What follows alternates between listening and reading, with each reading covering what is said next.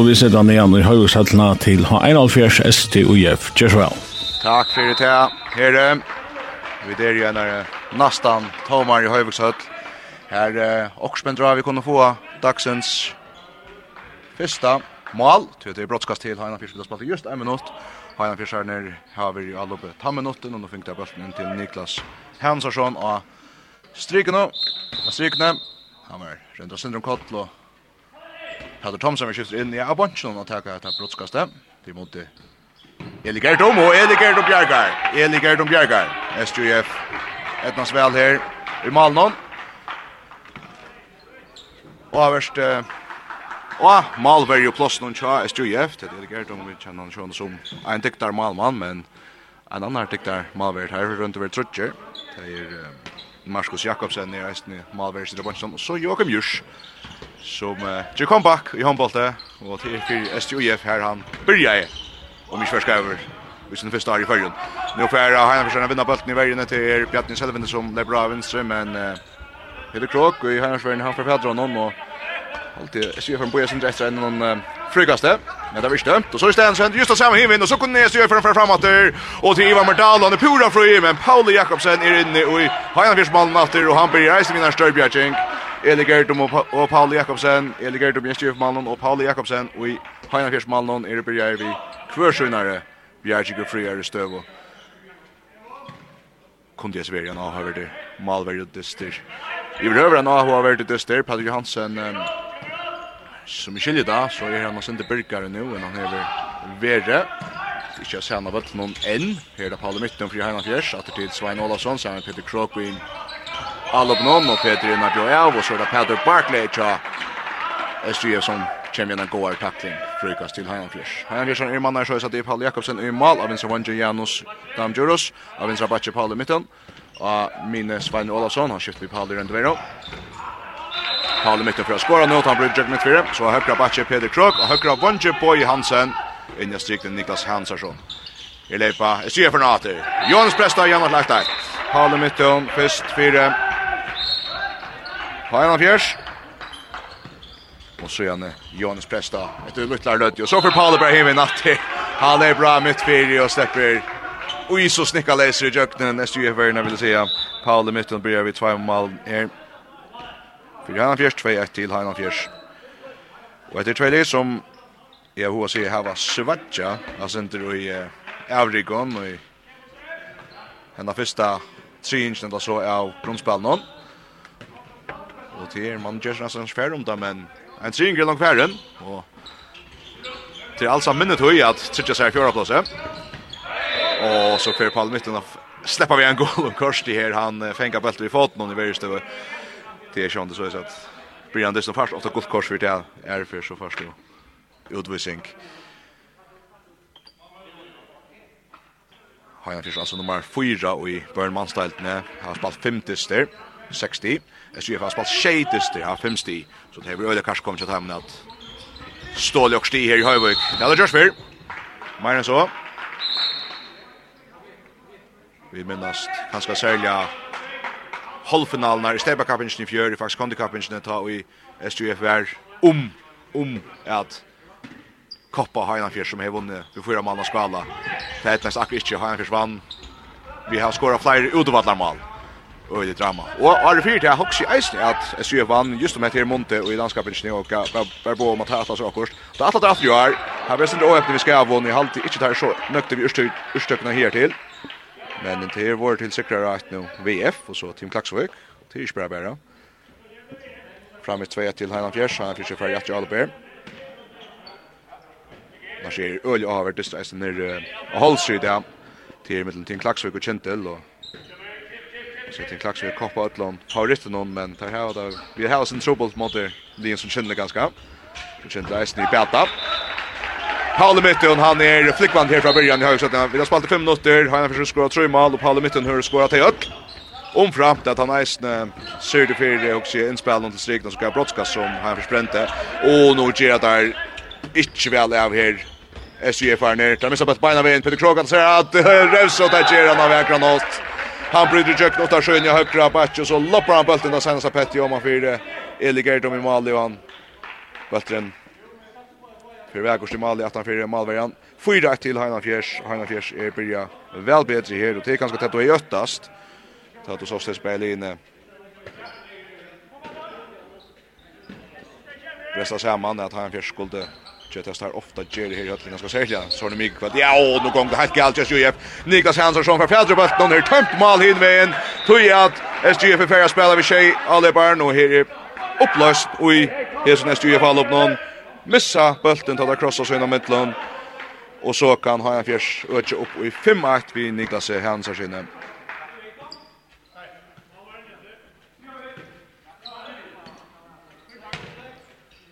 Och helt rätta fram så kommer bara tända strömmen nu Kintel och Tim Klaxvik och vita kvätser här nere.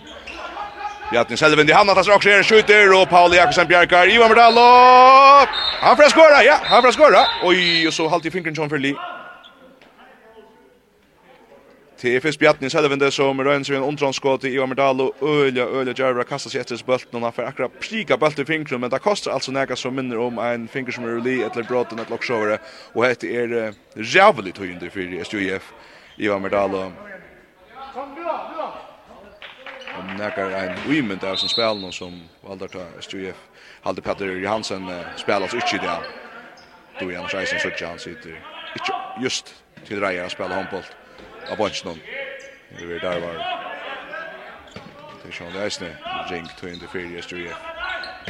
Och tar tarbajer vi sånn när fair och kvick Og Och just vi tar som det så Paul Mytte och fyrir allar, alla alla bästa. Vi just time imot dikt någon Flyr i jökna vinstra backen skorar så ett fjorda mål till 6-2. Och han försattar sig att göra stora processer tills det som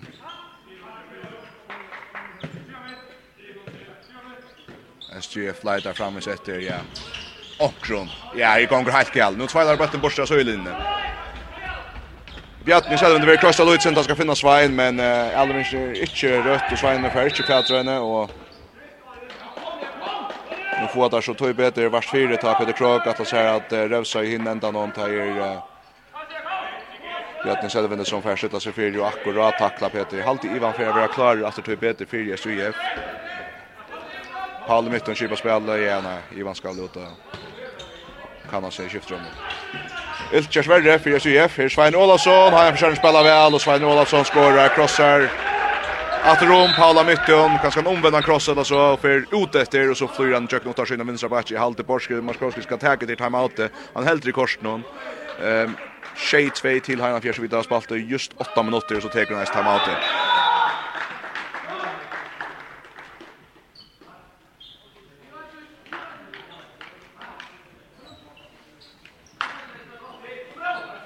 Så tjej tvei til Heiland Fjers. Vi kunne teka Malskjöldan Kjæstuja først. Tar tvær, Ivar Merdal og Jonas Presta. Jonas Presta vi en gång skått som ganska mest som snuktes inn korsene. Og så Ivar Merdal som alt gjør skatter ut i støvnet og hans feite seg og i tjøkken om alt hegn og fer psika bølten i noen Paul Jakobsen i Heilandfjersmalen. Og så fyrir Heilandfjers Peter Krog, ett mal. Niklas Hansson, ett mal.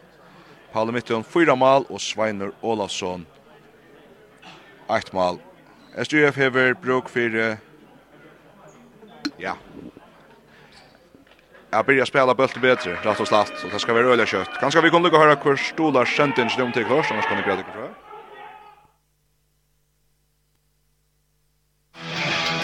fra. Av FM1 er sender i samstarve vi, Faro Agency og Vestpak. Og i drotteren av FM8 er sender samstarve vi må vi.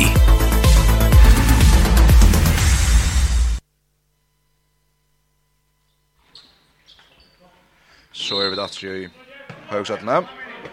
Lars kan se at nere og holde seg her i 4-3 til kjent til 18,5 minutter. Altså 6-2 til Heimann Fjers. Og Sveinur Justinsen han har ska komma til og se han för Jeg shot upp jag vart jag til Ekvall ser skott men her er alltså en øle god malverje og i han för smallen och Paul Jakobsen bjergar. Eh Steinar Presta för Astrik den fädra bollen och så vill han tackla vår. så är det varvad bollen nytt all uppläst ju. Sveinar. Krasla Martin Danielsen som kom in i första sidan. Bjarte Selvin i första center finner Martin. Så att Bjartna Krasla Svein Vi tacklar den också högt. Skulle lyckas hon bli omater. Sveiner här. In i mot ut mot högre höst in musiken. Gånger runt så där man finna skott. Så han ju domaren upp. Marsten ska finna också här. Marsten sen vill tackla skottstön när hans boy Hansen är kommen av högra vånche fyllt Marsten i alla min första möllen tacklar han mittelmin och högra backchest UF. Frugast läs UF mitt fyra Bjarni Sölven ju Sveinar spelar samman tar vi Bjarni Bjarni ska skjuta där uppe Henka blocker fyra hotna kast till SJF Hotna kast till SJF och timeout i Herich just bött om alla spelare ST, UIF och vi kunde bara se att Hanna Fjärs börjar vi en här framurberge och inte minst Malverja vi Palla Jakobsen. Marsen Dansen, Marshota och till ett öde krosskott nästan ut i sylen inte för fram vi. Jag haltar nu hem och till kanske det bästa som hänt här för UIF. Paul Mytton Atle Peter Krog og högra batch hött vi högre in av strikene, og SJF er den fåbelten. SJF er den fåbelten. Sveiner Justinsen, För fram efter. Finner han Marsen. Jag syns några plats här. Alltså Ivastan så ska han kasta han åt i vötlen. Jag har alltid han går med till Marsen men jag har alltid han ser att vi så sent så är han om att gloja ta han ska tvätta sig jökten där spucks det ökre gamla nu så kanske styr man Ivast. Nytt all upp till SJF. Shade 2 framvis till Heinald Fjärs. Vi har spalt i 20 minuter. Bjartne, Weird Svein och Där har tacklat er bulten som läst av bulten åter. Kjem press av vinst i midtfyr, Bjartna. Underskåd, Ufenja Paula, og Paula Jakobsen, Sjönka Kjolvsmøllaga, legger han til Paula Mittun, og så fredar spakene nian etter Heinan Fjerskjærner, her er Angel Lars, og i Det som, han sender Rustaja, SGF-allopnån, Där första touch mot när Shay 2 till Hanna Fjärs och där kom det värre värre. Nu Paul Mytten hatar sig jätta värre i affärsa brottskast. Bryter jökten ända när Fjär Paul Mytten har varit pura pura pura flickvan det så här. Första halvan ett minutten eller så. Ända första halvan ett minutten. Vi tackla över Martin Dansen för Fatron och Paul är så mycket fröjer att Martin kommer. Och man gör det så vandrar mycket för Fatron i armen och Marsen skulle ha varit i två minuter. John Gard Johansson tar broadcast mot Eli Gertom, Eli Bjerga mot Peter Thomsen i Janne tjän. Ikke hese fer. John Gard Johansson till 8-2 till Heinan Fjers.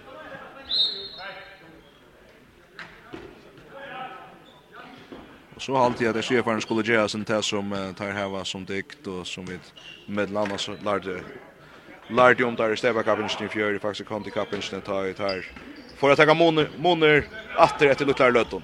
Efter Lutlar Löton. Oj, tror jag kan galla här. Om man missar bollen rätt slatt eh mitt av mine Utan press. Och så kommer det sig mål. Och det är Bjärström Maur Gudmundsson som kom in uh, första sinne. Och han fintar sig på jökten höger så Så brottliga så tjänar han lite finte och också det Sveiner i Hamsvärden som förlit sig in efter och Bjärström förut efter. Och så skorar han väl. SJF är hålla. Framus 18 för vi fem mål etter best halvan 12 minutt. Nyrje Halse för Kintel nu att uh, Tejas lägger sig åtta emot uh, King Klaxvik här er Brott som det vart om teker och han skorar 5-4 till Kintel. Spalt nekka saman som här. Pajna fjärsar ner om man finner strikna tjassar här till Sergi Frydal som är kommit in. Sergi Trøndarsson Frydal, han författar och bølten man får inte vente seg, frykas til fjärs. Fjers. Mittun upp och hänger ut av vinstra vång. Janus i Jøkning, Janus Damdjuros till Mutjetrøy til Heina Fjers. Nuttjo trøy til Heinolf Gjers.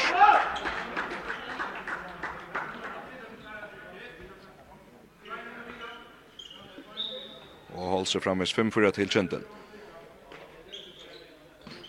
Og, og i støvn her, i høgsettene, her uh, vi helt verre for uh, strandingar, til at uh, her blir en utvisning av trett. Her blir en utvisning av trett, Så nu er det bare fem leikar i SUFL opp noen og Ange Malver her atre. Der har 20 sekunder etter først i utvisningsene. Skulle samfra fra om at her leip og til 20 sekunder for først. Så kan det best for her bare tega av klokken om tar til. Svein og Justinsen i selven Selvende, så er det Bjartne Maur. Og han er ulike kring grutar syne, og nei, han reagerer syne, han reagerer syne, ja. Enda faktisk vi at Tytas leisa nye høyre högra og han kommer i høyre hånd, ja, man leper ut etter om ta jo mining i hatten tja Lorsar no. Nucho true til Haina Fjær. Kindel laks 8-6-4 nær jo Holse. Her Paul mitten upp enga innan strikna. Sergio Frutal. Oj, så kommer Sveiner mitten snär bulten läsan och ja, det er så mykje mycket väl just att Haina Fjärs färdigt brottskast bäst frukast. Oj, där frys här så tjänar så tjänar så det rejer skjuta. Men Sveiner stjeler bulten ur ur handen honom. Heinaf Fjärs framme i uttalsspel in till Sajjahter. Sajjahter fröjer. ser vi han tacklas intressant och här är brottskast till Heinaf Fjärs. Gäller just det samma om att det är finna fria striksplan tjas här. Sajjahter Fröjdal. Hesby ansar en bättre ett bult någon och så Och så kommer Joakim Jurs in av första sinne i dag. Och skulle det vara helt ärligt så Hoast Eli Gertum har haft Truna Bjärskar. Så hade bruk för Jalnek och Bjärskar. SGF-arna. Joakim Jurs mot John Gard Johansson. John skorar. Tutsi trøy til Heina Fjers, John Gord Johansson.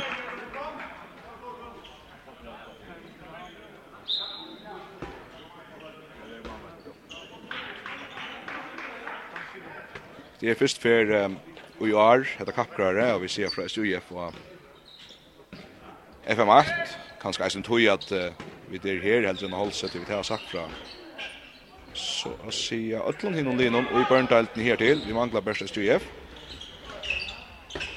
Men eh jag sen bench för det första upplevelse just ju för FM att till jag det är inte så gott. Jag ska också hända och vi tror ju så jag ska hända. Ska bryta Real Neckfield för. Vi hade bara Kevin av Vanje. Att det Bjärste Maur. Så Svein och Justin sen och han har inte på så skjuta men han nötter till att i handen är uppe och så får han längt längt om han det och det bästa av tog till ända 18 för mål någon och han fick han kunde ju fram. Touch och tror till han fjärde vidare spalt i första minuten. Når jeg holdt över Tim Team Klaxo Jauna till 6-6. Efter att här spalt spalter 13 minuter. Här Her Einar Fjersson er spalt samman. Här var Nekvarens unge inne. faktiskt uh, utan Peter Krok, så är det allt. Det är Dette er Och nu är Nøyjan Lee. Så atler, vår atler vi nere i Bulgaria. Och nu, nu är det nästa Strandigon, det är nästa Strandigon. Hajan försöker en tvåda bulten bort det över den tråkig måtta men så är det Röda samförande fram efter Svein Justinsen finner Steinar Presta och så skorar han av strykne till Aminko Monen til 24.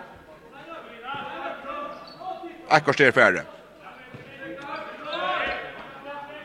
Och tre kvarter här til han Fjers som hus deg, ja så å si ja, Ötland ser for han har svart alt den ega bulta borster og Paule Mytteon över pura flikvande Och Peter Krok, han har så här ska spela Det ett ett rymmar rymmar skott han vi är. Det är standande på Han ständer ju på han bara nere i allt det så Det går som löjer han kanonna tjasa vi hötta en tvärfärna löjt och så svatjar han högra armen och bulten bulten stryker in helt ut vi ståndsna. Och så skifter SGF Joakim Jurs in i Male. 11-4 till Heina Fjärs. Peter Krok vid rymmar skåte. Bjartne Selvin till Harrøen, så skott. När kunde högra backen vi tacklar just där tar vi det frukast. När jag håller sig här vi känt laks 8-6 och tar vi ju alla batter och tar skall 8-6, 8-6 känt att hålla sig. Så att det kan ända vi blåna öliga god där för han för sig. Tjunga för skärta kunde vi ha till laks ska stiga tal men vi kunde inte ta om det. Bjärste Mark Gudmundsson och sen Shilaika Chester UF. Har vi inte orkat se han uh, så skulle vi det etter jag har inte lagt så mycket mest till han, heter kappinger her, ja. Her er mer av er hinner. Han uh, gott här. her. Han får in på året, og John Gordon Johansson uh, taklar og seg. Og utvisning til Heinafjers. Hette gott för SUF. Och spelar sina strikta, Finna Steinar Presta. Och Steinar Presta, han ser ju för att uh, her er en lötta cham. SUF här tar inte sakna Ivan Merdal som alltså taktisk skatte. Ser ut som en läkare som kunde huxa sig för innan trivan. Eh om inte annat om han skattar fingrarna om han ska kasta så kan han överstand i varje stöv och ta ta doran om näkar. 1-5 till har en av fjärs. Steinar Presta minkar månen vid Sundon. Öron Malle. Har jag försatts i Alupe. Peter Krog med fyra. Så Paul Mitten, han kör mot. Släpper att fram i sin manne och så skorar han åter. Paul Mitten, vår som är avrik, vår som är avrik. Fem mål och så ett nästa Svein Justinsen er sentra bulten så dykst i mål og det kom inte ikke være bedre. Ja, nå vakna der Sanding aldri. Svein Justinsen stender Amini og Paul Jakobsen fyrir tuskan inn i målet, men bulten sitter nækast perfekt, han dekter bænt om han fyrir Paul Arnan kan nå inn, og så kysser bulten Ivletjern Arnan dekter i målet. 12-6 til han fjärde SJF, fyrir sin nummer 4 mål. här är Sindre Meira fyrir av mål, shotingen nu. Jag ser fan fan fan sen det framma värja. Eh tror tror värja kanske något så lågt tror tror Verja. Ivan Medal och tacklar här i mot Peter Krok och offrar sin näka. Alltså efter fingern chans här och Sen Sveiner sen drafta högt av alla mitt i honom, men Paul Fibrand och Björn av och han väl til punchen. Jag ser för en standa stinn i løtene, så kommer han för en helt attra själva mina. Peter Kroger för tripplan fram etter, så skjuter han stannar skott. Åh, ett affär in, ett affär inn, Ett Rollet renneskott och så får Heina Fischerner bult att allt igen. Nej. Det vi ett hotnakast till SJF och Jesar Stöven här. Det som händer till Peter Krogfisk skjuter skott som jag hade Joakim jag sent rånade vi att därför är inte så öle harst det står i fjärde gång. Så att så att Strandiga Atter att lägga bulta medium i Malle. Men Paul Jakobsen kommer in och tvåts sig fyra bultar för skjuter hotnakast. Men Svein Justinsen nu kommer han igång. Nu skjuter han ett hoppeskott av vänstra backen.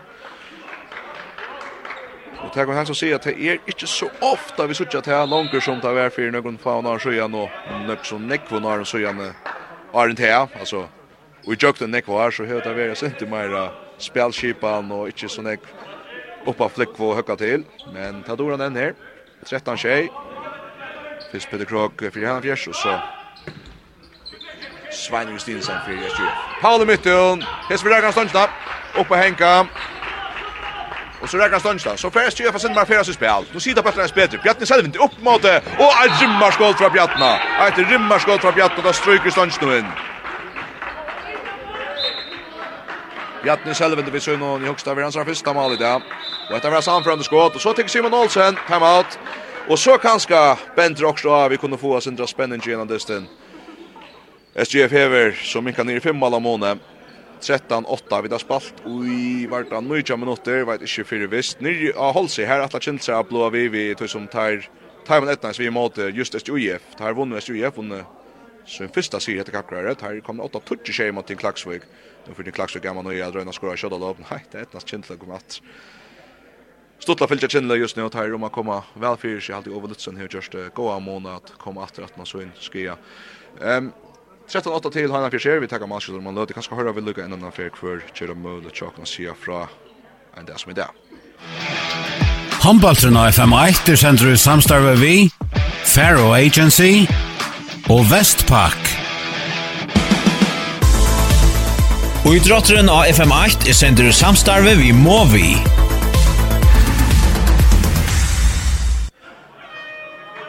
Så er vi datter i høyvekshøttene. Här är vi så är Leslia här var möjligt att följa vi distan i mitten Kintlo och till Klaxo Geisen i Burntilt när här snurrar så sjön ju om Hajan Fischers UF. Här till Tutche Shay till Kintel. Att man nu jam. Här har vi ett isen spalt just nu jam noter. Och här är 13-8 till Heinan Fischers. Nu kommer så Roja Shibagud igen för Hajan Fischers.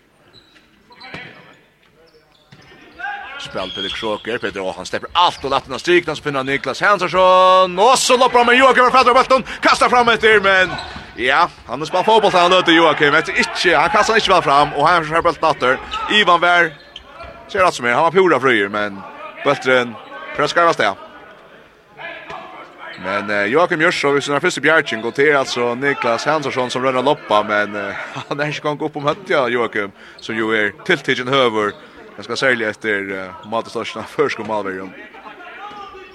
Kjem så spent på om kom stansjonen av så är har jag försökt göra upp. Innan stigna. Bult för fram i. SG Petnas satt i varje stå. 20 mot Barner. 13-8 till Heinan Fjärs. SGF för framåter.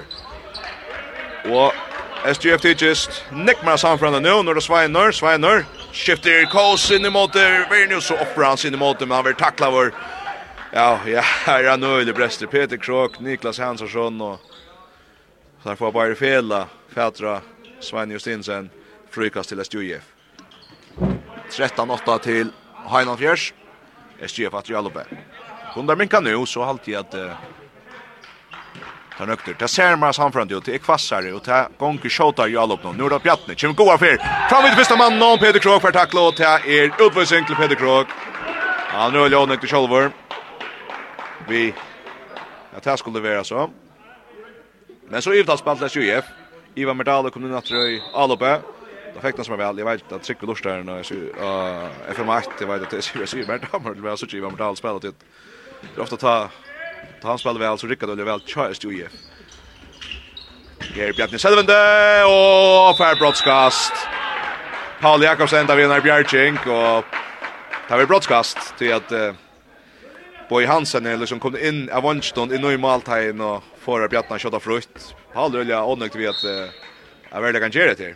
Nå Paul Bjergar och tända vi en frukast till SJF till Niklas Hansson Schweizer retur med ett i måltagen.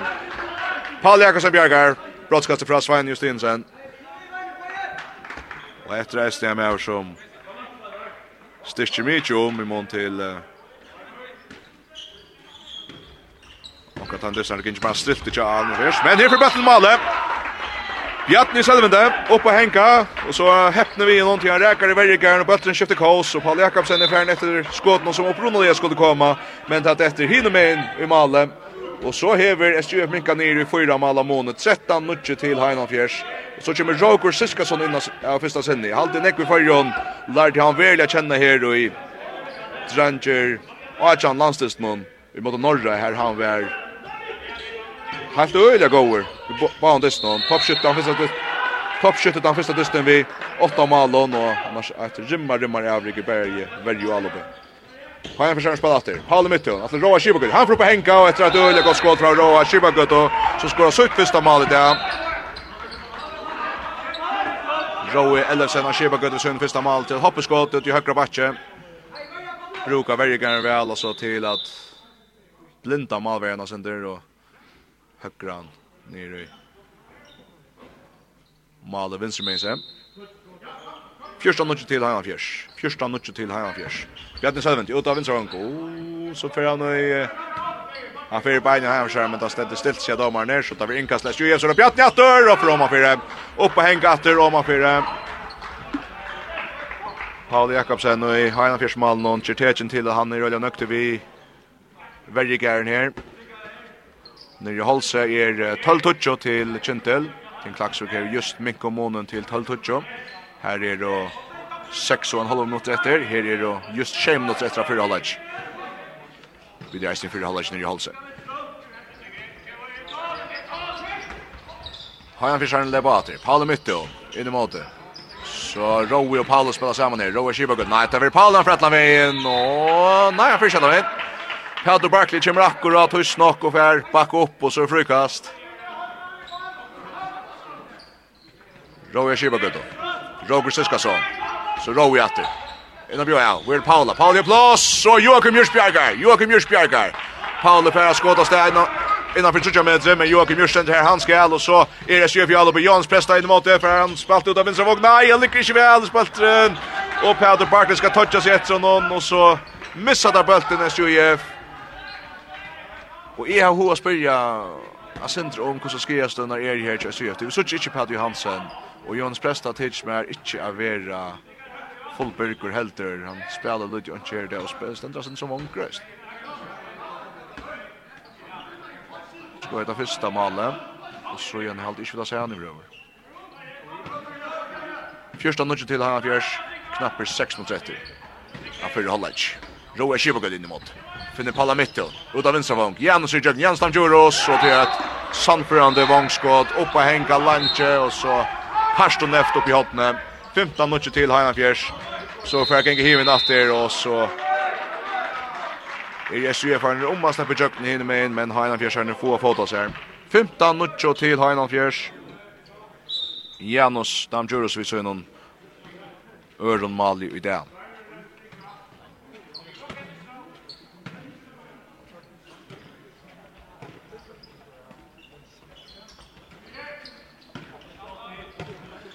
SGF fattar album. Marsen Dansen kommer nåt där. Finner Bjartin Selvinde. Så där Bjartin Maul.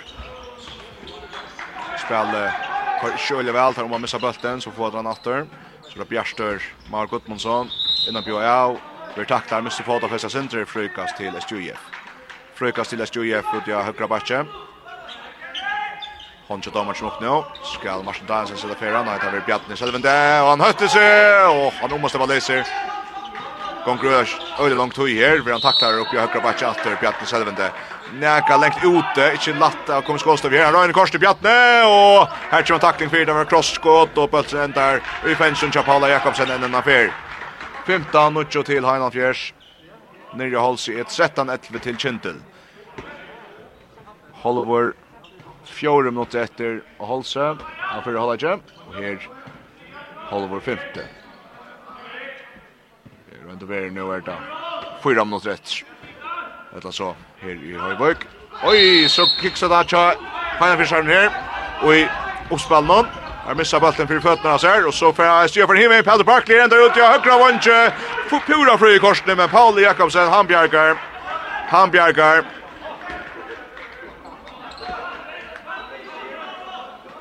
Femton och framme så Paul Jakobsen han Hever atter i det av er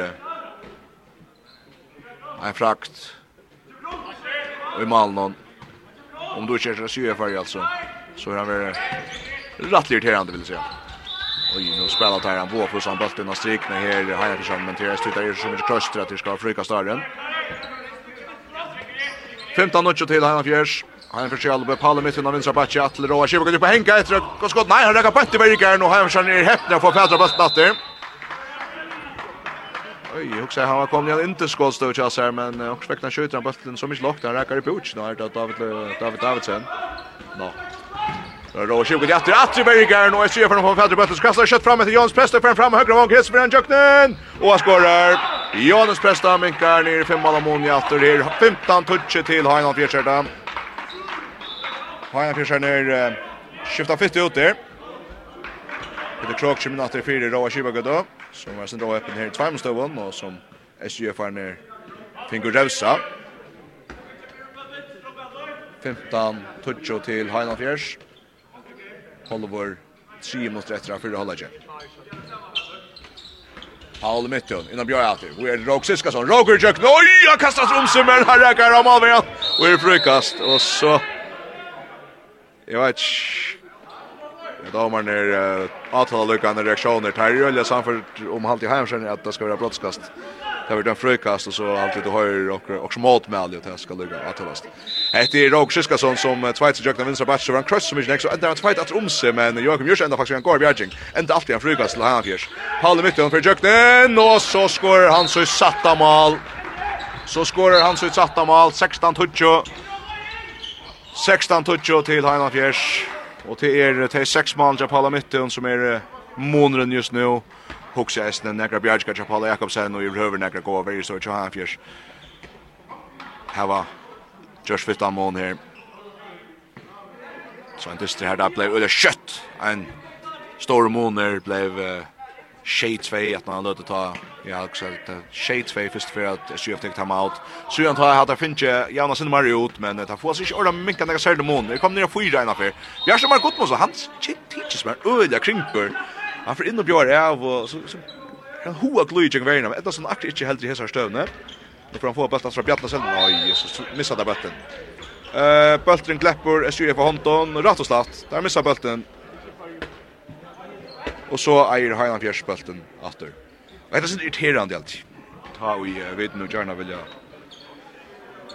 være ved at vi ser fra spennende håndboll så gong til sånn gale ta vi da ho at uh, dissen kan kanskje bli spennende og så simpelthen så, så hender så løye man bare misser bølten og shit hoi det hender aller helst eisen hinveien Paul Mytton han er pura pura Åstekka han i det Hesur finta han alla SYF-verna som hon är och så häver han den här 2,7 meter kvann vägen och så lägger han jökna atra vinstra backe. Paul i mitten skrar så känta mål vid det framme sig förra hållet. Vi tar en halva minut extra förra hållet.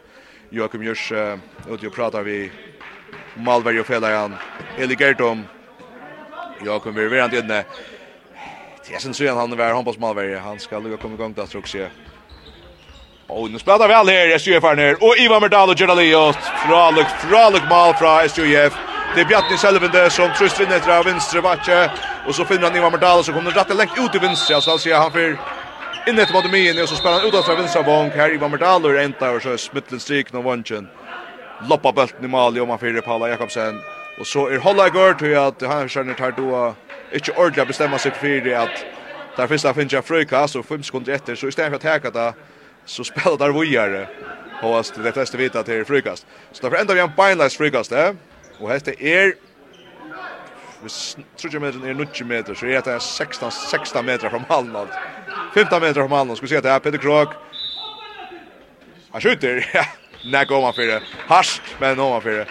Sejan vi holder ikke noen, Sejan Etlevi til Heinan Fjers i måte till STUIF her i Høyvøksøttene. Hetta mye kvalitet har vi feknast om at håndbolter er en innantora utrått. Nyrje Holse er 15-12 til Kintel. Så jeg synes det er kanskje et everskudsen for skåte, så jeg kan rundt være eisen hålla holdleikeren nå. Eh, det kanskje vi skulle hit hitje etter hvordan holdleikstumann være her. Her er det 47 sekund etter. Ja, Ja, fyrir halda ikkje, 15-12 Kintel, og til Klaksvøk fyrir at kjøra bøltene opp nu etter Kintel over skorat 15-12. Så skulle Det kommer att öle löta få att sätta igång. Det är så nu. Så här att här 11 sekunder efter att Minka Månen ner i 15-13. Öle över så han bara sköljde runt över här i Burnmanstältet när Spiders när kunde flytta rattla näckva stiatalna.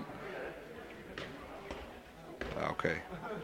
Så är klockan ska efter skärmen och tack kan man så händer. 25 sekunder fram i efter Team Klaxvik. Team Klaxvik skinkar har vi vad kallar där. Tack att det är rollet så för vuxte vann med sinne måte, finner Valentin, og han ser på Barshota her, og her fer av vera 15-13, til Klagsvik minkar månen til 15-13, og her fettler han utvisning eisen til Thomas Tja Kindle. Jeg vil så si at uh, Kindle fyrir fram i uttale. Og Lukka teka endan hollaisen her vi, bare som vi sutja han her, og telt og skjermen tjakon. Så det er vi nekka som er glatt at Mila håndbolt at det nu ikke når jeg står rinja at han dessen spyrir hva skjer, du kan bare hitja. Här kan så se Ovelutsen för bättre fram så Kristoffer Björk men också haft där är. Och så Anders Risdal, högra back, går man högra vån kan inte släppa Björk Kinsman. Och också att här för vi hålla i halsen för ända vi är någon. Beinlas frukast, nästan ner i högra vånche, det skulle inte spela innan. Så hålla Hollager och i Bavon är sån här Burn Mans Daltar, Distonon. Her i høysøttene, Heinafjers SUF, Heinafjers som altså ligger av fjøra plass i ett stiv framfor SUF, når han spalt en faktiskt färre. Kunde jag nästan styra för att i vill hålla men tidigt inte så så ska också helt annat komma fram. Men vi har så här inte minst vi stepa halvfinalen någon i faktiskt kunde kapinchen vi gör att SUF oj oj oj oj oj. När jag sig över om ich verhaska över så över Anders Ristal uh, skora ett beinleis frukast out to jag med linjen och högra vunch Ett öjeligt skott av Brestra stä här. 16-13 till Kentun i Holse. Anders Ristal vid Beinleins frukaste. Ja, ut i av söjlen.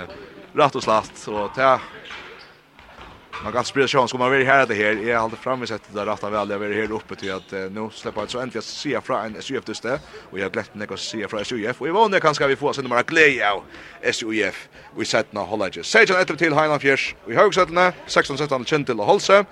Vi tar kan det Rekve Dahl Kristiansen skåra 11 mål fyrir fram, og Willem Paulsen 8 mål, 19 fyrirsk mål fyrir fram i kvöld. Mer enn helten flott, Sjurur Hildarsson høyde. Sera, sera, sera flott. Her i Haugsatne er vi om å være tilreier til uh, 17 halvleik, og i Børnmannstusen i middelen Hajanfjers og STUIF, og i tui Burn, Mansal som er så avbera, avbera spennande. Her er jo 60 fra nummer 1 og nere nyeste plås, at man vil ha spalt i godt og vel en trying. Hajan Fjers, faktisk, for å spela sin det tog just en treing i grunnspillen, og i det tar ikke ett stig, om man fyrir Estrøya for stiatallene, Arne Disney det, men Nekben drar at uh, det skulle være flere. Her er altså Sejan Etve til Hainan Fjers, 18. fyrre halvleik. Men jeg sier fyrir bøttnån. Her byrja vi Joakim Jurs og i mal. Så av vinstra vondje. Det er David Danielsen. Og han skårer. Han skårer beint.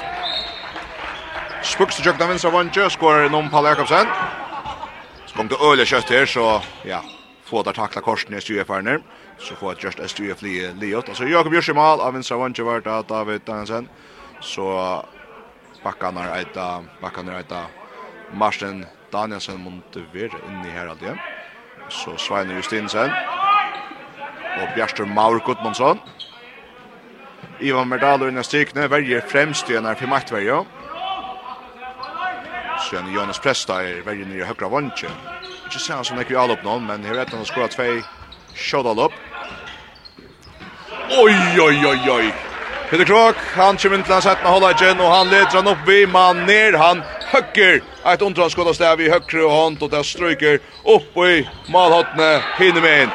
Og Bjarni Selvindi, han vil ikke stande etter, han stryker et ondran etter gulven og nå i malet, og Arjan 13 går håndboll til her, blir vi hettene holder igjen, Arjan 13 til Heinan Fjers, gong vi rukande fer, Peter Krok, Roger Siskason for Heinan Fjers, oppe i skjåta, blokker 4, jeg ser for bølten, og jeg Joachim Jurs bedre, ja, Ivar skal lykke å toucha seg, så Ivan Tjøknen! og Pauli Jakobsen Bjarkar og Pauli Jakobsen Bjarkar. Det är en särlig Malmö. Det är en särlig Malmö det här hava och i det hava här i Heinanfjärs. Och helt det kände jag så en sån kvirr i höllene med det hjälpar först sin gamla som jag kom ner och hitcha. Det har vi nu robat det efter folk som är vi en stor hopp runt om fel vill säga. Vantar nästan att Pauli måste få fatröst ner och gör det nästan. Nu. Teddy Krok efter. vi Vergan för det SG för att att hitcha Shadow någon. David och Sveiner flyttar sig fram efter. Sveiner för dribblan Jomina så halt ju Hamsson ner kommer på plats. Där Sveiner så själver innan sig till vänster Ivan Atter och Pauli han astlar sig att köra att Ivan skorar där kvitt. Pauli Jakobsen Bjerker Atter pura friar stöv jag sikne. Han yrar sig öligt Ivan Verdal och där ska han sjön gäst.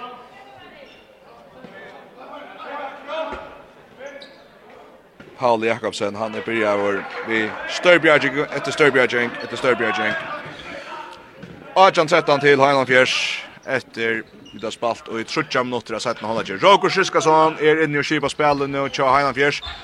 Roger kipa gøte, Røyna Bjøya og fyrir sin åttarsynning av vinstra batje, vi er takta vår frykast.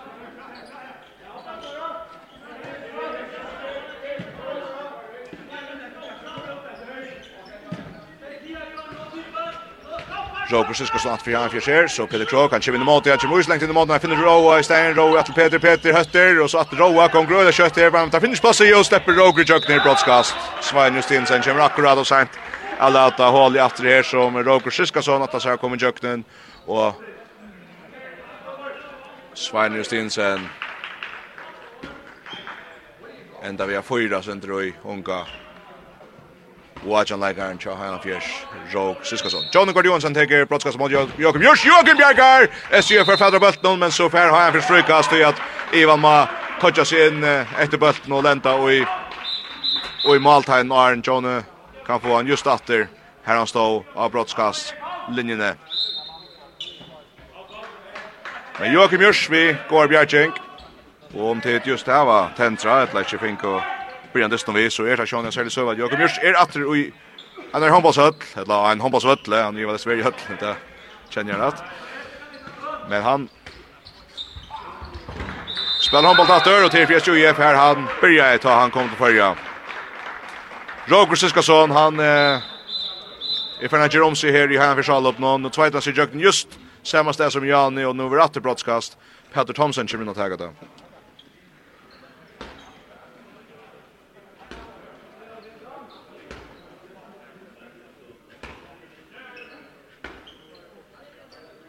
Peter Thomsen av brottskastlinjen mot Jakob Jörs. Skorar! Peter Thomsen. Halt ikkje vidt heva, se han av ötlen åttan til. Tvei brottskast. Det finnes brent igjen mot Jelgertom og nå skorar han mot Joakim Jurs.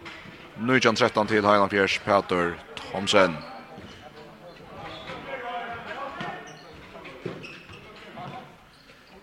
SG för att jag uppe Bjärström och Gottmansson skipa spelet. Steinar Presta kommer in och strikna. Finner Johannes Presta här. Han kommer runt och högra vånche. Ja, Johannes ständer mest ner som högra vånkor. Alltid är det ganska ratteliga skilja. Så tjänar sälja skipa ner. Svein Justinsen nu är högra vånkor. Så kommer nog skift här till Ivets Kjörs. Svein i igång. Så lever bulten, bulten kommer ut av vinstra backen, og Bjørstrom har mist fire, er sinne plåse, og nå må finne bulten strikt, og Steiner kjører klarer, Bjartne verður taklar helt ekvisli at ta spel i Ivra Vinsabatche og ta verður ein utvisning til Rock Siskason tja Heinafjers. Nyrja Hols er spänning spänning Grimblin stóra stora aftur Chintel och Tim Klaxvik. Chintel var 8-16-13 ta Anders Ristad skora ett beinleis frukast helt ut i och och i sista sekundet av fyrre halvleikje til 16-13. Nu har vi Tim Klaksvik gjennom til Sejan Sejan og Chintel tidstam timeout. Her Og i hög for för att vara brottskast til SJF og til Bjarni Selvende som er av Olvara i ferien at, at leva her. Tveit seg vel inn i måte Heinan Fjersvergen og vi er takla vår og takka for, for, for brottskast. Svein Justinsen täcker. Oj, han fyrir fram i. Han fyrir fram i Jesper. Nu er 13 til Heinan Fjers. Heinan Fjers Legg visst nego i at SJF fikk etter brottskastet til her for ikke i male.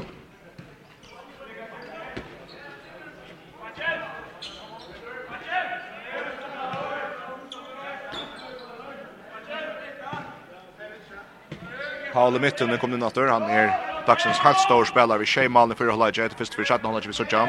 Kemna Kiba spiller tja. Han fjers. Så da Roa Kiba går till Peter Krogs på sammen. Peter. Om man snäjer sig i jöknen misser fotofest tar vi tackla var då. Ja, hur nog just ett fel neck för ta han som ställs sig där så på jucken tackling nu så flygas till han fjärs. Flygas till han fjärs. Ragnar Karlsson kunde stiga den han fjärs. Här Paul mitten där bra mitt fyra rönna finna Ragnar till Jena istället. Åh, han svajtar Tromsö över brottskast. Han får själv vänt sig men han vill helt nästan näka väl i normalt här och så får han svajta ett ja, hampeliga samförande skott för näka fram vi vi har kastat Tromsö. Brottskast Brottskastatter, Peter Thomsen teker i måte Joachim Jurs og i STUF Malmon. Brottskast til Heinan Fjers. Nere i Holsi er Sejan Sejan i mittlen Kintlo til Klaksvik.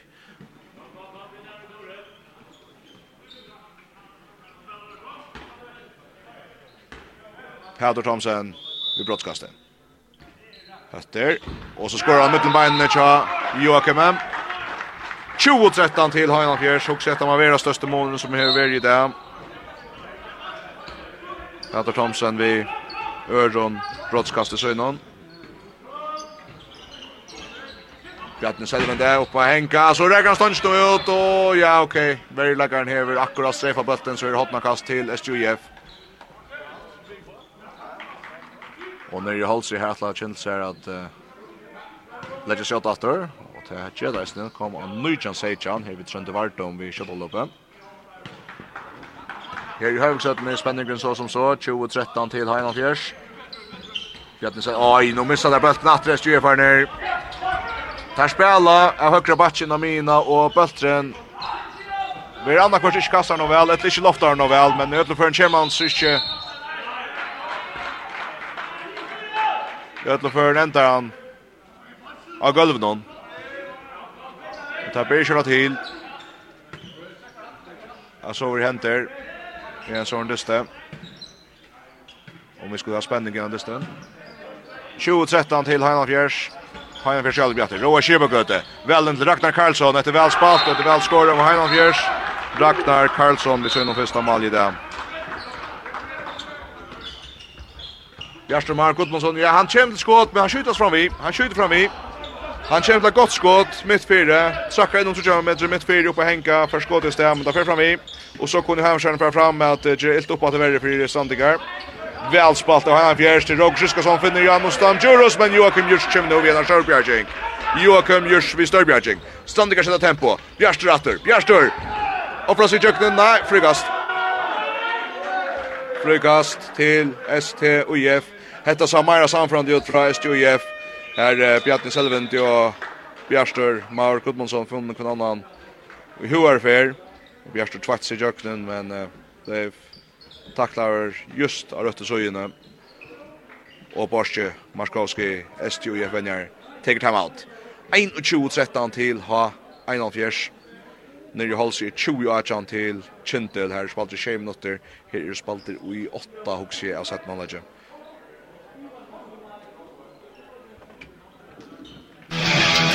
Håndbaltren av FM1 er sender i samstarve vi, Faro Agency og Vestpak. Og idrotteren av FM8 er sender i samstarve vi Movi. Servet at vi har sett dem. 21-13 til Highland Fjers. Og igjen, det som er... Jeg vil si, det var mer spennende på Purnon enn... Uh, enn han uh, tirsdag vil ha blevet her. Men vi vet det nu. Man skal omgang si omgang vi er jo her, men her skal altså... Ja, her skulle jeg bollar oss opp nå. Og her veien så sitter man som kjennes av at om jeg stod jeg fer skru opp og spalt opp til sitt beste, så vi er det framme i Stråbult å få bulten fram ved Heinan Høynafjørs Malvera noen, men eh, han som kjøpte nå, Arne Dammen kom inn, Paul Jakobsen hever ved Och i öljön läge vi har för smal någon vi är en riktig större bjärg gång här. Så det var medalj tror jag det finns här förla. Paul det till en nära fria från honom. Sveinreisen rör på til just Ivan men her kommer han försöker i midtelen, Det ser veldig att väl av Lise Alvinsen så fräda framåt där. Svein Olavsson kom inn, han försökte og han skorar til 22-13 til Hein Avgers. 2 och 13 til Hein Avgers ett gott mål fra Svein Olavsson, Sveinur Olavsson fyrir Heinan Fjers skorar till 22-13. Han shot all up. Han hever han veldig gras här men fint han. Och ikke Bjartni selv det sin vän men Ari Dambjergar, Ari Dambjergar, Ja, så skiftar Malver Heinan Fjärs men eh, det är inte bättre till inte för SJF. Spelar han sen kött. Jan Rowe Mortorp. Nej, med? Jan Rowe Högdesen er komin inn á högra vong tja Heinan Fjers släpper ikke jøkken her i første etter og så tekker han ferien av bøltene og har han fyrst ferie i alle batter. Roger Siskason, og da vinstra vanker, og det er krøstja dem om, jeg styrer standa vel her, men har han for sin røyna atter nå av mine, så høyre bakker Roa Kibagødde, og da høyre vanker, Jørn Roa atter, og han skårer rølja vel, han skårer rølja vel, Jan Roa Høgnesen, Og så er 3-2-13, touch om alla måne. Og hetta tids med för att blöja skratt. Og nu snurrar det kanske sig om tja SJF at minka omta. Jag tror inte för hon att det inte skrattnar upp att värre än att visst. Nu spelar där hampliga kött och hampliga neft. SJF är ner, men det är sen seende att kjølt ta, så kommer det heller ikke til Nekka særlig Mølaga. Frøyka stilla styrir för TG här. Svein Justinsson på Henka, Och näka väl fram i malen hon. Det inte där en tja STF, Där må vi bara ha sånne. Hajan Fischaren himme inn, tar kunne spela seg her, og nå er det Roger Siskason, yngste med over Tarra av Vøtlenon, som eh, brøyt seg Åtta Ottarsøyen i Hakkersøyo, og skår alle 24-13, Roger Siskason en av de lagaren som vet. av Oliver har lært å kjenne.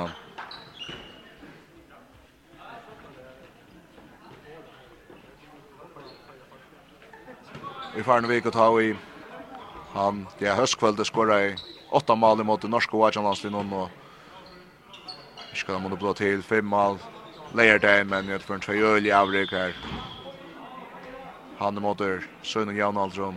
Og så er man vi et eller annet. Og vi er flere stranding og næste skal minnes til. Her er det nekker som kjennes atre herfra. Som vi sier ja, jeg sier at han var ikke just vi inne, det er kanskje eisen, det er oppatter yngre, det er som omtann dagen. Men, først lent igjen når i midten. Det er beste i Norran, London. 24-13 her til Heinan Fjers, Svein Justinsen, Frias JF, CD4, Raffin Jons, Presta, Bølten, ikke går Han fänger natt efter Janus. Jag vet inte vad det är i bulten om här skall vi honom. Men tar här sen trodde jag hade fast i honom. Sandegar. Nu rör han efter. Bjärste Maur.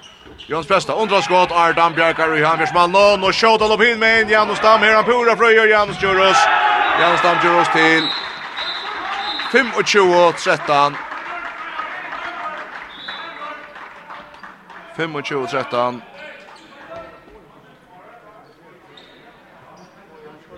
Og jeg sier bare, jeg husker at jeg var under tega tunnelen hjem, jeg sier efter at han, han turen kan blå nok så lenger.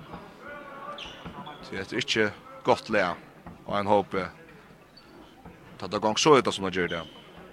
25-13 til Heiland Fjers, Janus Damgjørs, vi ser noen hva vi kan være til, da vi er hans andre tria mål.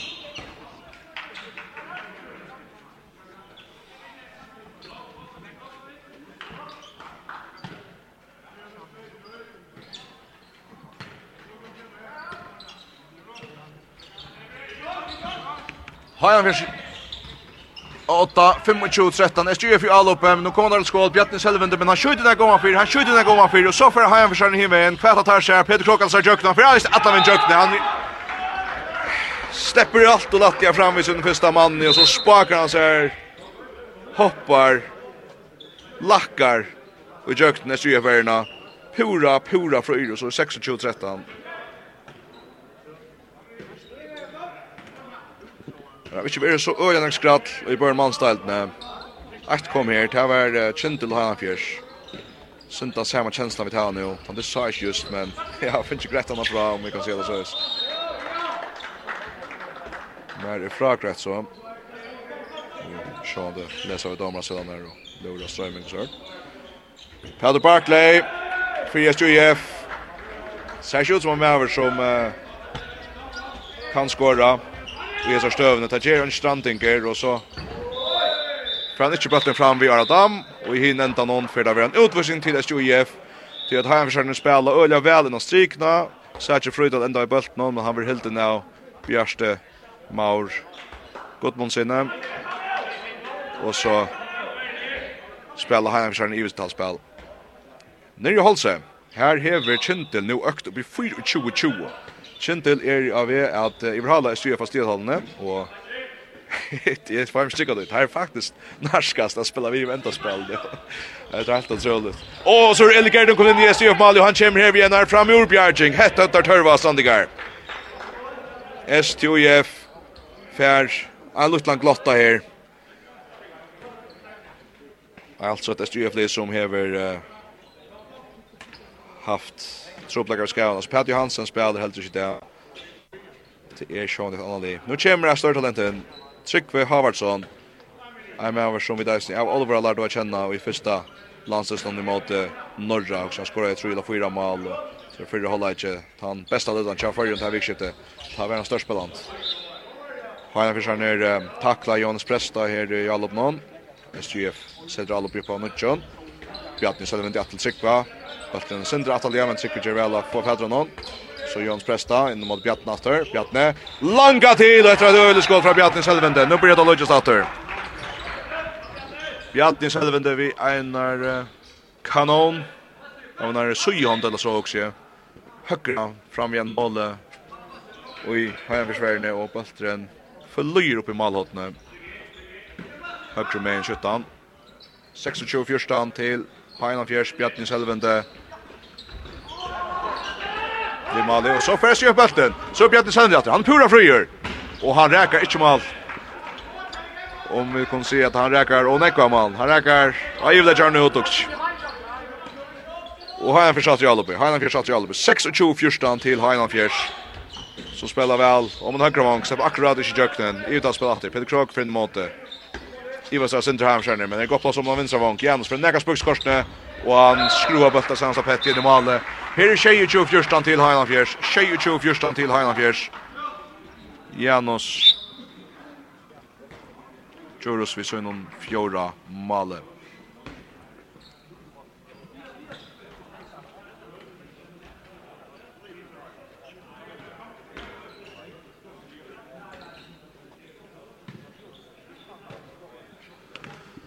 SGF Altialabøt, Sikvi Havardsson, Kiva Spelle til høyre til Johannes Presta. Nere hålls er annars 25 21 til Kjentel. Her er 14 mot 1. Det är her. Det er Bjarne Selvin, han kommer till och till Arbjergar med returen fer til Johannes Presta og så kan han göra sånt alt at høy. Ardam vi enda ända när Röljar og oi, så! Alltid tar kasta i beina kvarnören och Hajvikingan tar det Feromina, Jeg sa det ikke, men jeg styrer for bøtt natter.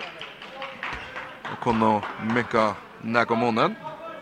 Men Stig skulle ikke drømme det. Så kunne klaksjengar kanskje nere og holse. Her har der mikka nere i trymal av månen. 25-22 kjentel her og kjentil i undertallene det da.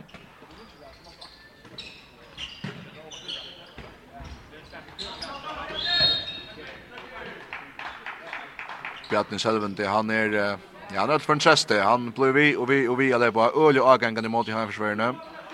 Hever han taklaver. Frøyka stater. Uti FA i Bjartne har skåret fyra i det. Møvlig til flere. Oj, så Heimersen fänger bulten nu åter så Fredda kött Peter Krog flyger fram vid sin välgren. Oj. Ivan Berdalo kör väl åter. Tacklar väl. Av Peter Krog och Fer Bjerka någon viss Somalia vi hur säga. Och det ända allt vi en frukaste till Heinan Fjärs. Gott värre spel fra Ivan Numerallo. Og har en fjärde att Jalobbe.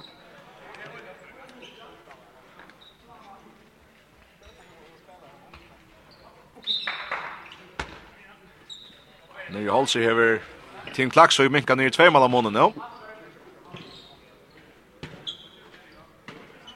Her oppe vi ikke stor spenninger om uh, Ørstlid, altså Stine. Spørningen var hvordan står måneden for å være. Roger Siskason skipa spel till Hainan Fjärs och täcker Roger skipa gott Iver, så får Peter Kroga skjuta och i verre garn og åt över hotna kast til Hainan Fjers. 22-15 til Hainan Fjers.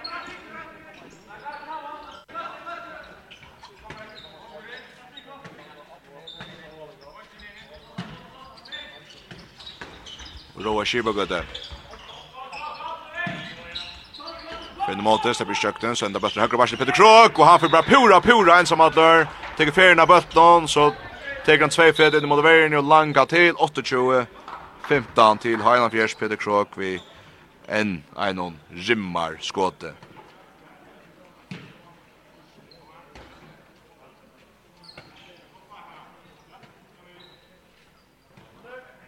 Och sätter det satt där, Petre. Mövlig också till färre bort som rätten kommer.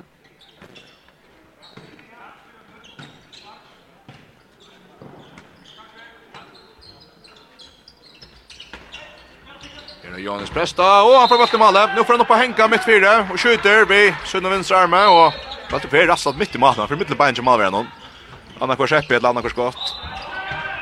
Anna kvar skepp ett gott. Fjóra mål så Janis så får det. Mövliga är här är rätt som vantar röjt och SJF kommer. Timeout.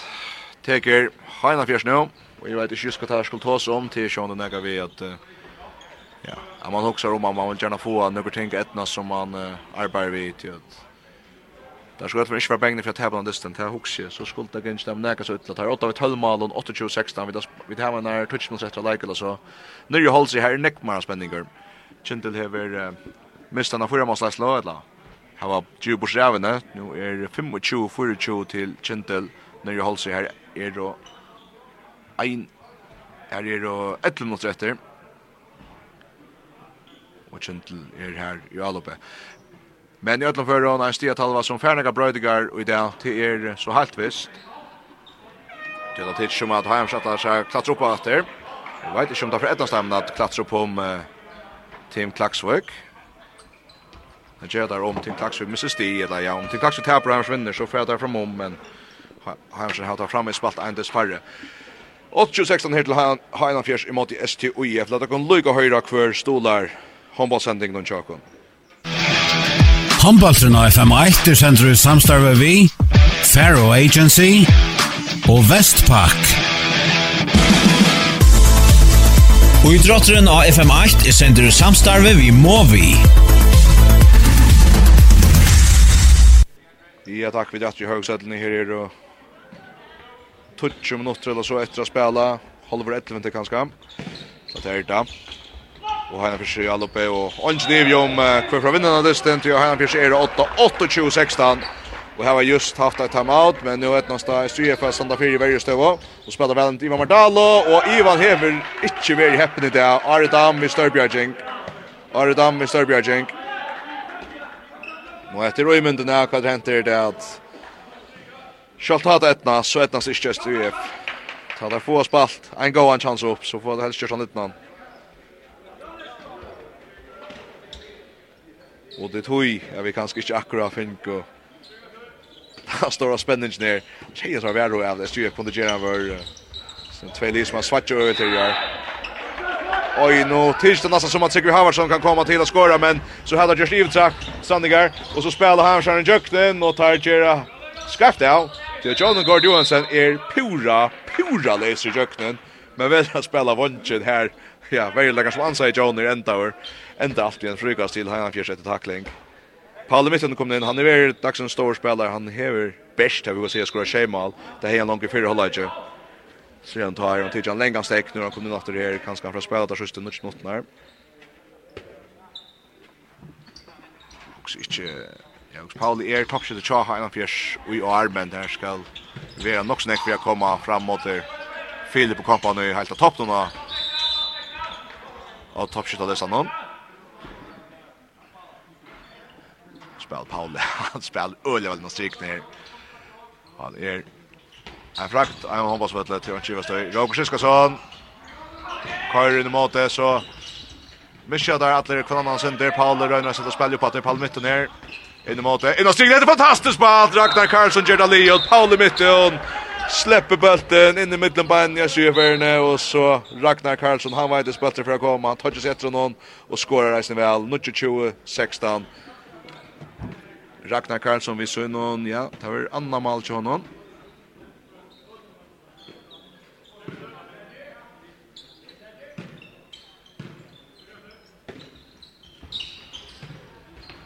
Strier fattar alla bet Sigvi Havardsson skjuter men Arbjagar Arbjagar Ardan Bjagar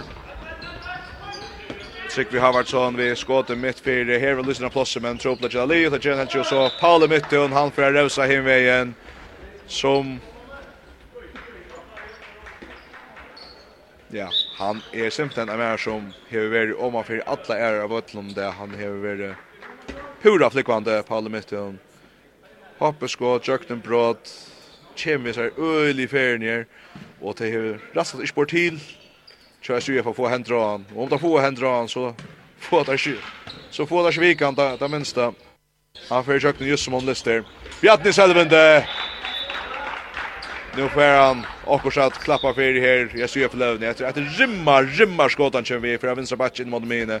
Upp på Henk och så långrant upp i målhotten vänstra med sig. Sett vad säger han till Heinolf Fjärs. Bjarni Selvende minkar om månen det måste vara det femte Bjarna og inte förskriver.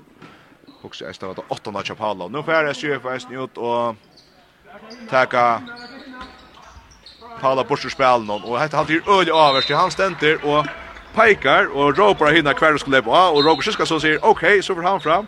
Och så tar han ett helt otroligt godt skott mitt fyrir Roger Siskason. Öliga gott skott harst och näft ner och här och i SJF Malmö här Marcus Jakobsen er kommet inn av standa til stranda nok skje. Ein og 30 sejan til Heinald Fjers. Bjarni Sjælvende til venstre. Palle, ja, så missar där bulten att rest ju. Palle mitt där bulten, han hever bulten ner. Her er fria sex men så färdar ett sån standingar så spelar inte högra vank och ettas akkurat inte. Har jag försökt komma i jökner. 31 sejan til Heinan Fjers, Palle mitten vi har alltid på så spel någon stöttar sig liksom attra mina Roger Siskason innan bjöd jag vi tacklar vår Arben marsjen her här den tråk och tacklingar Hes för en tackling Så Roger, oh, fantastiskt ut Jan Roa och Jan Roa mår Högnesen vi maler.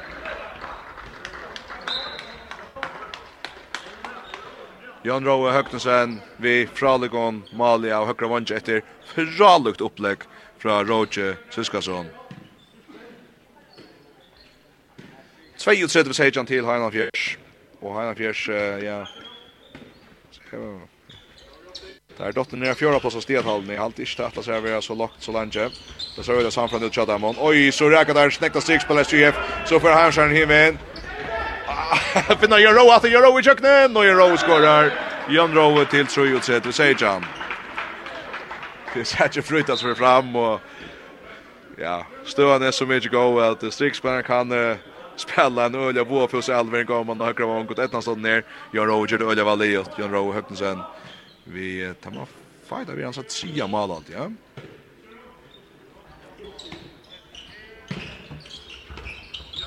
SGF alltså alla på och att det går på bulten just SGF inte stänga själva väl matchen där sen ska backa ut efter någon så för Bjärstör Mark Gudmundsson och han har varit en av dem och helt helt fram till just detta som han gör nu. Han bryter jökten och tvåte sig jökten åtta sköna batch någon och oj ja. Elegant, det har vi ju att säga. Bara lagt sig jökten värna tja Highland Fjärs och skorar resten väl här efter. Tror ju så att vi har Jan Bjärstör Mark Gudmundsson skriver han best bäst för ett annat mål just här men så jag ser så stövn ofta han fick eh, måste få två brottskott i ödlor förrun. Roger Siskason här. Och så kommer SJF från fyra på tackla och bollen för så läkt ut av sölen i över inkast med Stjujef. SJF är ner för framåt. Jonas Prest upp och Henka. Skjuter. Vi tacklar Nanka på att fram i här frukast till Stjujef. Här är frukast till Stjujef.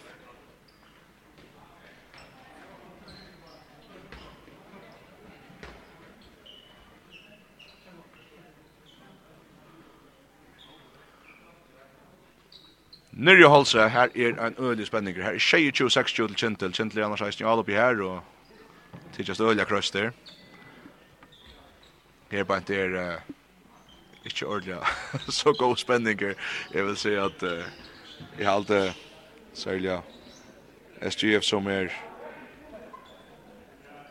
Jeg vil for tikkens smite her, jeg vil ho at uh, her har man mest hoa for heim alt.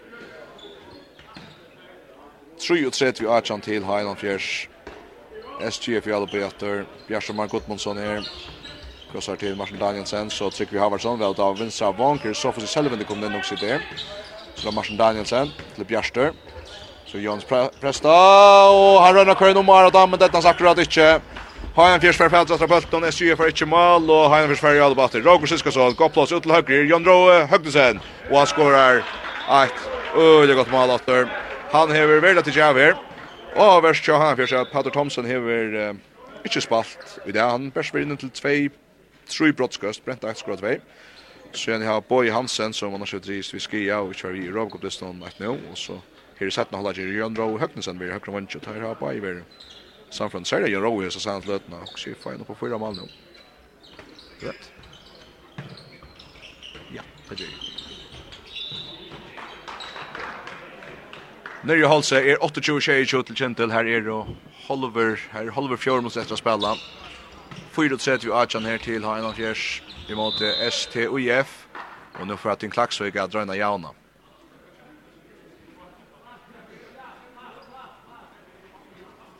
så kan vi bara se att det är en klax just det som det här görs kvar för vidare sagt for at han är för er Där spelar av distri, og så er det spennende distri. Og her nere i Holsi for Tor Godsen og nu pura fria rundt av en som til Klagsvik, Klaxvik så Kindle varvad lastna 28-22. Her i Høyvøk lever seg for Bjarke Mark Gudmundsson og Are Dammer Ishtar Sjål troblakar av høsten hoppeskott nå fra SGF er han Leir på Hamsen og atter Jon Rowe atter og Elias Bøkstad han er resten trakk og Iver Iver trakk. Iver trakk. Dømt i Monty Heinafjers, 2 minutter etter, 4 og 30 og 8 til Heinafjers. Og spårningen er, som han er verre, så igjen, ja. I verleggen någon, så vi på vetabær, ølja, tullja, og i dyst hon. Hei, han som lyst av om at SUF ganske kunne gjøre han vør, men alltid ofte til just i timestøen at det går ikke galt, da man blir vant av, vant av ting, og Da vi blir vant til at dere ser litt henter. Bjerste Mark Gudmundsson fra Røyne her, men det er ikke godt skåta for lengt, lengt, lengt fram i. Heim forskjellen fra fram at Ørk, Petja her, Roger Siskason i bølten, Paolo Mittjøen. Har ikke bølten vel nå, enda vi en korsene. Når jeg holdt sier time out, kjent låta vi er normal maler, enn i 30 minutter etter eller så. Her er 1 minutter og 90 sekunder etter. Og ut i dysten her vi best. Skulle vite, just kvart stöd han här får ju det vi Arjan til har en Och också Og hvis vi ser hva det händer vi stiatallene kjøkken, så fyr har en av eh, upp under linjen av VF. Här ble inn for å ha åtta sti, men har en fjers bærs for 6 dyster, VF for 8 dyster. Tinn Klaxvik är av 6 stien for 6 dyster, og tar kunden fram i få seg stien i Holse. Och i havn, här oppe i Haugsættene, færa 2 sti til Heinafjers, og Jeg vet ikke hva standingar legger i stiatallene til at um, er nesten kjentla vinna nere i Holse som uh, tar er i 8 vi 1 og her er uh, 2 minutter 20 sekunder etter så er SUF nyast og Team Klaksvig avsøker med og kjentel er nesten nyast Oi, Roger Siskarsson vi er noen seilig og seilig og mali her. Han er en god teknikk. Og ikke høyre her Tveit i jøkten, lengt ut i høyre så omkrekta for å skru av bøltet inn ja. ja, Jeg får ikke lyst til å nevne til at det er. Onkurs vekna skruer han bølten inn i malet. Så en skreive skruer, altså i mån tid. Han skruer han, han legger hånden ut etter om det ikke er mening. Om det var så kjøtt av fyrdekom. Bjersemann Gottmundsson lever etter. Men Etnason ikke var det her. Nyrje Holse har kjent laks 28, 29, 22. Hugsa etter over Lutzen vi er noen hoppeskåde. Her disse now. Derfor enda vi er noen beinleis rygast. delt, ja. Det er veldig brottskast. Dysen er av her i Høyvøk, 5 mot 3, vi har ikke enda da til H1 fjers, for enda vi er noen beile strykaste, og så per lekk fram vi, og holdast ikke veldig gær i fire. Ja, det ble ikke akkurat en stor spenning her i Høyvøk, det må vi si, jeg husker kanskje at her som uh, folk kan tenke vi hjem til uh, nu H1 fjerserne som ikke slår i høttene i det, at de kan bare visse fire, det så veldig godt ut av dem, og gammel nøye, det var ikke så trupult kjøtt dem akkurat. Jeg tror i hvert fall Vär kör den stera byrja vi Mono kombina vi Paul Jakobsen vi Störbjerg går en go Hajan för Sverige och så Paul Mitton störte Hajan för Alop någon så sannförande som vi hör till ber detta var helt helt ölt avrik av om går Havsins någon Paul Mitton var alla stanna Jordi allt. Upplägg skott mål. Skipa i spelet, fantastiskt.